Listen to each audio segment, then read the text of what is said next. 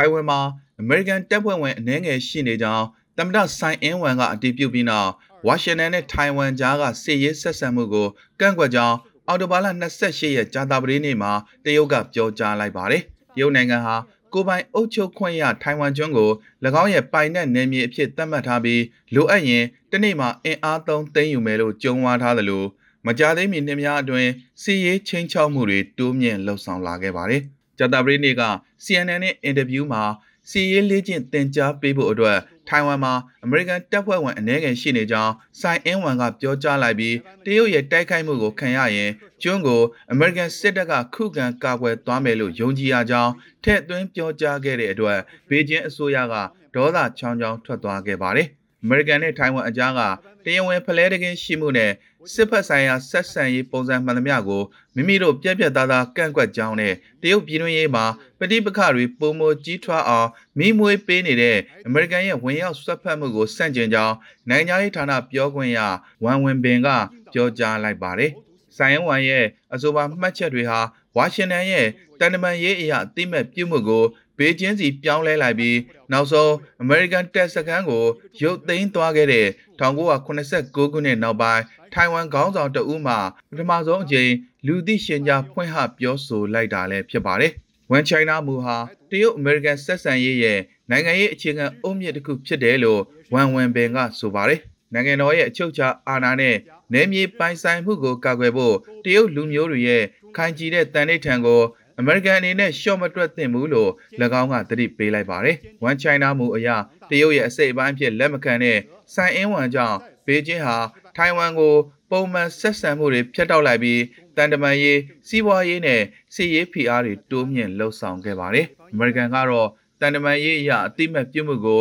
ဘေကျင်းစီကူးပြောင်းခဲ့ပေမဲ့ထိုင်ဝမ်ရဲ့အနေအထားကိုအတင်းအကျပ်ပြောင်းလဲမဲ့ဘယ်လိုဖိအားပေးမှုမျိုးကိုမဆိုဆန့်ကျင်ပြီးထိုင်ဝမ်ရဲ့ကာဝေးစွမ်းရည်ကိုထိန်းသိမ်းနိုင်ဖို့ကူညီပေးခဲ့ပါတယ်။ One China မူဟာတရုတ်အမေရိကန်ဆက်ဆံရေးရဲ့နိုင်ငံရေးအုံမြင့်ဖြစ်ပါတယ်။ထိုင်ဝမ်အရေးကိစ္စမှာအမေရိကန်အနေနဲ့ တစ်ဖက်သက်လှုပ်ဆောင်မဲ့အစားတရုတ်အမေရိကန်ပူးတွဲကြေညာချက်ပါပြဋ္ဌာန်းချက်3ရက်အတိုင်းလေးစားလိုက်နာတဲ့တယ်လို့တရုတ်နိုင်ငံသားရေးဌာနပြောခွင့်ရ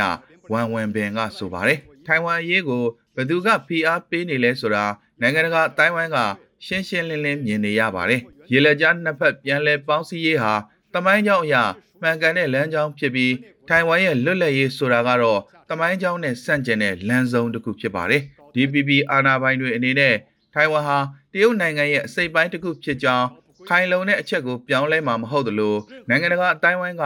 တညီတညွတ်တည်းလက်ခံထားတဲ့ One China မူကိုလည်းတုံလောက်စိတ်မှာမဟုတ်ဘူးလို့၎င်းကဆိုပါတယ်။ဘိုးဘွားတွေကိုမေ့ပြီးတိုင်းပြည်ကခွဲထွက်သွားတဲ့သူဟာဘယ်တော့မှဇက်သိမ်းမကောင်းခဲ့ပါဘူး။ထိုင်ဝမ်ရဲ့လွတ်လပ်မှုကိုမြင့်တင်တာဟာလမ်းဆုံးတစ်ခုဖြစ်တယ်လို့ထိုင်ဝမ်ရဲ့လွတ်လပ်မှုကိုကူညီထောက်ပံ့မှုဟာလည်းအပြန်မရှိတဲ့လမ်းတစ်ခုပဲဖြစ်ပါတယ်။တရုတ်ပြည်သူတွေရဲ့ကြံ့ခိုင်တဲ့ဆုံးဖြတ်ချက် ခိုင်မာတဲ့စံနာနဲ့နိုင်ငံတော်ရဲ့အချုပ်အခြာအာဏာနဲ့ဂုဏ်သိက္ခာကိုခိုင်ခိုင်မာမာကာကွယ်နိုင်စွမ်းကိုရှော့တွက်ခံရရင်ဘယ်လိုနိုင်ငံဘယ်လိုလူမျိုးမဆိုကြာဆုံးရမှာပဲလို့ဝမ်ဝမ်ဘင်ကဆိုပါတယ်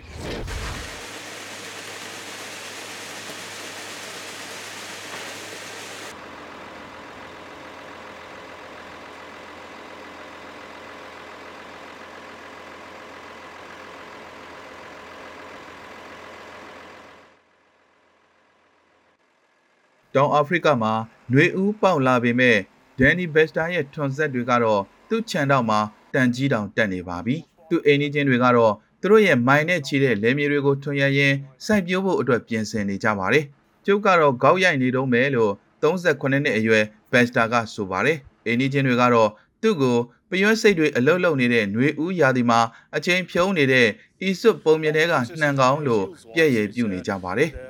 တကယ်တော့သူမှာမြေစီလွာအတွက်ပုံမကောင်းမွန်ပြီးရာသီဥတုပြောင်းလဲခြင်းနဲ့လိုက်လျောညီတွေဖြစ်စေမဲ့နီးစနစ်တွေကိုအသုံးပြုပြီးစိုက်ပျိုးရေးနီးစနစ်ကိုပြင်ဆင်ဖို့ထက်သန်တဲ့ဆုံးဖြတ်ချက်တခုရှိနေပါတယ်။ကျုပ်ရဲ့စိုက်ပျိုးမြေကအသင့်ဖြစ်နေပြီးပေါင်းမြတ်တွေလည်းနှိမ်ထားပြီးပြီလို့သူကအေးအေးဆေးဆေးပဲဆိုပါတယ်။ဒီနီးကကျုပ်တို့လုပ်နေကြ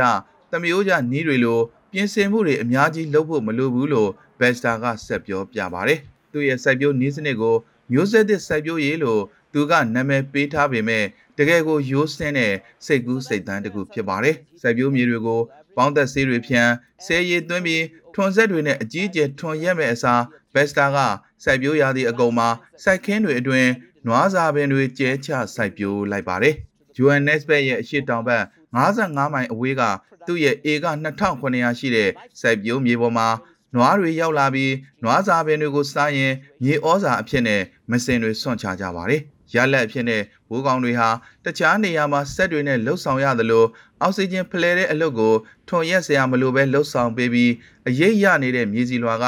အဆိုဓာတ်နဲ့အာဟာရဓာတ်တွေကိုထိမ့်သိမ်းပေးထားသလိုပေါင်းမြတ်တွေမပေါက်အောင်ထိန်းထားရလဲရောက်ပါတယ်။သူ့ရဲ့နေစနစ်ကိုစက်မှုလေယာအများဆုံးရှိတဲ့တောင်အာဖရိကမှာအသုံးပြုသူနေပါပြီးအများစုဟာဓာတုဓာတ်မြေဩဇာနဲ့ဘိုးသက်ဆေးတွေကိုအားထားပြီးတမျိုးကြစိုက်ပျိုးနီးစနစ်တွေကိုပဲလောက်ကင်ကြပါတယ်။ ဒါပေမဲ့ရာသီဥတုအတွက်ကောင်းမွန်တဲ့အပြင်ဘက်စတာရဲ့ပြောင်းတဲ့ပဲပိစက်အထွတ်နှုံးဟာနိုင်ငံအတွင်းအမြင့်ဆုံးအဆင့်မှာပါဝင်နေပြီးစိုက်ပျိုးရေးစံပြစုတွေရရှိထားတဲ့ဘက်စတာဟာအခြားသူတွေကိုလည်းအပြောင်းလဲကိုလှုပ်ဆောင်လာအောင်တိုက်တွန်းနှိုးဆော်နိုင်ဖို့မျှော်လင့်ထားပါတယ်။ဒါကကျုပ်တို့စိုက်ရမယ့်မျိုးစေ့ငယ်လေးနဲ့တူတယ်။အောင်မြင်မှုကိုစမြင်လာရတဲ့တခြားသူတွေကလိုက်ပြီးလှုပ်ကြလိမ့်မယ်လို့ဘက်စတာကဆိုပါတယ်။တောင်အာဖရိကရဲ့ရာသီဥတုဟာကြံကမ္ဘာနိုင်ငံတွေထက် နှစ်ဆပိုမိုပူနွေးလာတယ်လို့ကျွမ်းကျင်သူတွေကဆိုပြီးလေယာစိုက်ပျိုးရေးကဏ္ဍကိုလိုက်လျောညီထွေပြောင်းလဲနိုင်ဖို့အရေးကြီးတယ်လို့ဆိုပါတယ်။တကမ္ဘာလုံးအတိုင်းအတာနဲ့အပူချိန်1.5ဒီဂရီဆဲလ်စီယပ်တိုးလာလို့ဒီမှာ3ဒီဂရီတိုးလာတယ်။အဲ့ဒါကစီးပွားပြစိုက်ပျိုးရေးနဲ့ကမ္ဘာလုံးဆိုင်ရာစားနပ်ရိက္ခာစနစ်အပေါ်ကိုကြီးမားတဲ့ဖိစီးမှုတွေယူဆောင်လာမှာပါလို့ရာသီဥတုသမမျှတရေးဆိုင်ရာဗရင်းချင်းစာတမ်းလှုပ်ရှားမှုမှာတက်ကြွလှုပ်ရှားသူ Beach Westaka ကဆိုပါတယ်။ ၆သွေးနိုင်ငံတစ်ခုဖြစ်တဲ့တောင်အာဖရိကအတွက်ဆယ်မြောင်းစနစ်ကိုကြဲကြဲပြန့်ပြန့်လှုပ်ဆောင်နိုင်ဖို့ဆိုတာအလားအလာရှိတဲ့ရွေးချယ်မှုမဟုတ်ပါဘူး။ဘက်စတာရဲ့စိုက်ကွင်းတွေဟာဆယ်ရည်သွင်းစရာမလိုပဲစိမ့်လန်းနေပါတယ်။ပိုးသက်ဆေးသုံးစိုက်ပျိုးတဲ့လယ်မြေတွေမှာမတွေ့ရတဲ့မှုတချို့နဲ့မြေတံကောင်အနှဲငယ်ကိုတွေ့ရပြီးအလွယ်တကူရှင်းပြနိုင်တယ်လို့သူကဆိုပါတယ်။ဓာတုစိုက်ပျိုးနည်းနဲ့မဖြည့်ရှင်းနိုင်တော့မယ့်အနာဂတ်တစ်ခုမှာစိန်ခေါ်မှုတွေရှိလာမယ်လို့ Cape Town တက္ကသိုလ်ကရာသီဥတုပညာရှင် Peter Johnston ကဆိုပါတယ်။အာဖရိကတဝမ်းမှာတော့အသေးစားလဲစိုက်သူတွေဟာပတ်ဝန်းကျင်ထိခိုက်မှုနည်းတဲ့မီယိုဖလာနီးကိုသုံးပြီးစိုက်ပျိုးလုပ်ကင်ကြပါတယ်။မော်စကိုဟာမြင့်တက်လာတဲ့ကိုဗစ်ကူးစက်မှုကိုဟန်တားနိုင်ဖို့အတွက်မရှိမဖြစ်မဟုတ်တဲ့ဝန်ဆောင်မှုလုပ်ငန်းတွေကိုယာယီပိတ်ထားဖို့အမိန့်ထုတ်ပြန်လိုက်တဲ့အတွက်ပိတ်ထားတဲ့ဈေးဆိုင်တွေရှိကဖြတ်သွားဖြတ်လာအနေငယ်ကလွဲပြီးမော်စကိုရဲ့လမ်းမတွေမှာတိတ်ဆိတ်သွားခဲ့ပါတယ်။ ကိုရိုနာဗိုင်းရပ်စ်ကူးစက်မှုနဲ့သေဆုံးမှုများတိုးမြင့်လာခြင်းကိုဟန်တားဖို့အတွက်မော်စကိုမှာထုတ်ပြန်ထားတဲ့အလုပ်ပိတ်ရက်ကာလအတွင်းခရီးသွားလာခြင်းနဲ့ပတ်သက်ပြီးအော်တိုဘာလ29ရက်ဗုဒ္ဓနေ့မှာခရမ်လင်နန်းတော်ကရုရှားပြည်သူတွေကိုတတိပေးလိုက်ပါတယ်။သမ္မတဗလာဒီမီယာပူတင်ဟာပြီးခဲ့တဲ့သတင်းပတ်အတွင်းဥရောပမှာကူးစက်မှုအဆိုးဝါးဆုံးနိုင်ငံတွေထဲကတစ်ခုဖြစ်တဲ့မိမိနိုင်ငံအတွင်းကူးစက်ရောဂါပြန့်ပွားမှုထိန်းချုပ်နိုင်ဖို့အတွက်အော်တိုဘာလ30ရက်ကနေနိုဝင်ဘာလ9ရက်အထိအောင် သတင်းတစ်ပတ်ကြာတရဝင်အားလက်ရက်အဖြစ်ကြေညာခဲ့ပါတယ်။စစ်တမ်းကောက်ယူမှုအရအဆိုပါအလုံးမလုံးရရက်အတွင်းရုရှားနိုင်ငံသား၃ပုံတစ်ပုံဟာခရီးသွားဖို့အစီအစဉ်ရှိကြောင်းနဲ့အဲ့ဒီအတွက်ပင်လယ်နက်အပန်းဖြေမြို့ဆိုချီမြို့တော်ဝင်ကကဘာလက်ခီးသည်တွေစုပြုံဝင်ရောက်လာနိုင်ကြောင်းသတိပေးထားတယ်လို့သတင်းဌာနတွေကဖော်ပြခဲ့ကြပါတယ်။ Kremlin ပြောခွင့်ရ Dmitry Peskov ကလာမယ့်သတင်းပတ်အတွက်ခရီးသွားလာခွင့်ပိတ်ပင်မထားပေမဲ့ virus ပြန့်ပွားမှုအပေါ်တက်ရောက်မှုရှိနိုင်ကြောင်းဗုဒ္ဓဟူးနေ့ကပြောကြားလိုက်ပါတယ်။လူအများပြားခရီးထွက်ဖို့စီစဉ်ထားတာနဲ့ပတ်သက်ပြီးကူးစက်ရောဂါဗေဒပညာရှင်တွေကစိုးရိမ်မှုမြင့်တက်နေပြီးအခုလိုအလုံးမလုံးရဲ့တတ်မှတ်ချက်ကြောင့်ကူးစက်ရောဂါပြန့်ပွားမှုအခြေအနေတိုးတက်ကောင်းမွန်လာအောင်အထောက်အကူဖြစ်ဖို့ကရမလင်ကမျှော်လင့်ကြောင်းထည့်သွင်းပြောကြားခဲ့ပါတယ်။ဒေတာဖြတ်ကျော်ကူးသန်းမှုပိတ်ဆို့ခြင်းကိုမလိုလားပေမဲ့နောက်ဆုံးနည်းလမ်းအဖြစ်လှုပ်ဆောင်နိုင်ကြောင်း၎င်းကထပ်လောင်းပြောကြားခဲ့ပါတယ်။ဆိုချီမြို့တော်ဝင်က ကဘာလက်ခီးတဲ့တသိန်းနီးပါးဟာမိမိတို့မြို့ကိုလာရောက်ဖို့စီစဉ်နေတယ်လို့ဆိုပါတယ်။ဧည့်သည်တွေအနေနဲ့ဟိုတယ်တွေမှာကိုဗစ်ကင်းရှင်းကြောင်းဆေးစစ်ချက်သို့မဟုတ်ကာကွယ်ဆေးလက်မှတ်ပြသရမှာဖြစ်ကြောင်းသူကသတိပေးလိုက်ပါတယ်။ကရမလင်က2014ခုနှစ်ကသိမ်းယူခဲ့တဲ့ခရိုင်းမီးယားစီက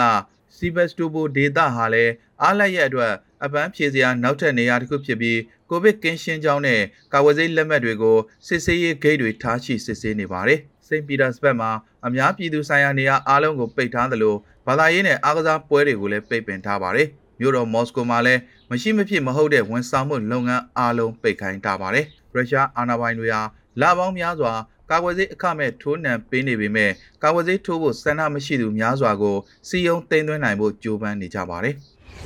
American သမ္မတဂျိုးဘိုင်ဒန်ဟာ G20 ထိပ်သီးအစည်းအဝေးပွဲတက်ရောက်ဖို့ရောမာမြို့ကိုအော်တိုဘာလ29ရက်တောက်ကြနေ့အစောပိုင်းမှာရောက်ရှိလာခဲ့ပါတယ်။ကိုဗစ်ကရောဂါစတင်ပြီးနောက်ပိုင်းပထမဆုံးအကြိမ်ဖြစ်လူကိုယ်တိုင်တွဲဆုံကြမဲ့အစည်းအဝေးဖြစ်ပါတယ်။ G20 အစည်းအဝေးပြီးတဲ့အခါသမ္မတကစကော့တလန်က Glasgow ကိုဆက်လက်ထွက်ခွာပြီးအဆိုပါမြို့မှာကျင်းပမဲ့ရာသီဥတုပြောင်းလဲမှုဆိုင်ရာထိပ်သီးအစည်းအဝေး COP26 ကိုတက်ရောက်မှာဖြစ်ပါတယ်။ တောက်ကြနေ့အတွက်ပထမဆုံးအစီအစဉ်အဖြစ်ဂျိုးဘိုင်ဒန်ဟာဗာတီကန်မြို့ကပုံရမ်းမင်းကြီးဖရန်စစ်ကိုတွေ့ဆုံဂါရဝပြုမှာဖြစ်ပါတယ်။ဂျိုးဘိုင်ဒန်ဟာဂျွန် F ကနေဒီပြီးရင်အမေရိကန်နိုင်ငံရဲ့ဒုတိယမြောက်ကက်သလစ်ဘာသာဝင်သမ္မတဖြစ်ပါတယ်။ပိုရမ်းမင်းကြီးနဲ့တွေ့ဆုံချိန်မှာစင်းရဲမွဲတေမှုတိုက်ဖြတ်ရေး COVID-19 ကပ်ရောဂါနဲ့ကမ္ဘာရာသီဥတုပြောင်းလဲမှုအကြောင်းဆွေးနွေးသွားမှာဖြစ်ပြီးအခြေခံကျတဲ့လူသားဂုဏ်သိက္ခာအပေါ်တူမျှတဲ့လေးစားမှုနဲ့အမြင့်ချင်းဖလှယ်သွားကြမှာဖြစ်တယ်လို့ဆိုပါတယ်။သမ္မတဂျိုးဘိုင်ဒန်ဟာတောက်ကြနေ့မှာပဲပြင်သစ်သမ္မတ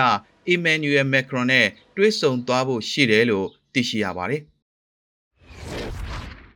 တည်တံကြအကျဉ်းသားတွေကိုတေတံပေးရာမှာသုံးတဲ့ဇီဝင်ချွေထိုးဆေးကိုစောရကတက်လာကြတဲ့အပေါ်အောက်တရားရုံးက တေတံအမိန့်ကိုယာယီဆိုင်းငံ့လိုက်ပြီးနောက်ပိုင်းအိုကလာဟိုးမားပြည်နယ်ဟာဆေးထိုးပြီးတေတံပေးတာကိုဆက်လက်ဆောင်ရွက်ဖို့ကြိုးစားလာခဲ့ပါတယ်။ဒါကြောင့်အိုကလာဟိုးမားပြည်နယ်ကတေတံကြအကျဉ်းသားတွေရဲ့ကံကြမ္မာဟာအမေရိကန်တရားရုံးချုပ်ရဲ့အဆုံးဖြတ်အပေါ်မူတည်နေခဲ့ပါတယ်။1998ခုနှစ်တုန်းက အိုကလာဟိုးမားပြည်နယ်မက်အလက်စတာအကျဉ်းထောင်မှာရှိစဉ်ကထောင်တွင်းအစားအသောက်ပို့တဲ့ဝန်ထမ်းအမျိုးသမီးတဦးကိုတပ်ဖြတ်မှုအတွက်အသက်60အရွယ်ဂျွန်ဂရန့်ကိုအော်တိုဘာလ28ရက်ကြာတာပတေးနေ့ညနေ4နာရီမှာတေတံပေးဖို့စီစဉ်ထားခဲ့တာပါပြီးခဲ့တဲ့ဗုဒ္ဓဟူးနေ့ကအယူခံတရားရုံးချုပ်ကဂရန့်ကိုစေးထိုးပြီးတေတံပေးမှာကိုဆိုင်းငံ့ခိုင်းလိုက်ပေမဲ့အမေရိကန်တရားရုံးချုပ်ကအလွန်နီးကပ်တဲ့အချိန်ပိုင်းအတွင်းမှာပဲတေတံကိုခွင့်ပြုပေးခဲ့ပါတယ် ဂျာတာဘရီနေကအိုကလာဟိုးမာပြည်နယ်အကျဉ်းထောင်မှာဂျွန်ဂရန့်ကိုစေးထိုးပြီးတေတံပေးနေစဉ်မှာအကျဉ်းသားဟာအော့အန်နာအကျော်ဆွဲတာတွေဖြစ်ခဲ့တယ်လို့မျက်မြင်သက်သေတွေကဆိုပါတယ်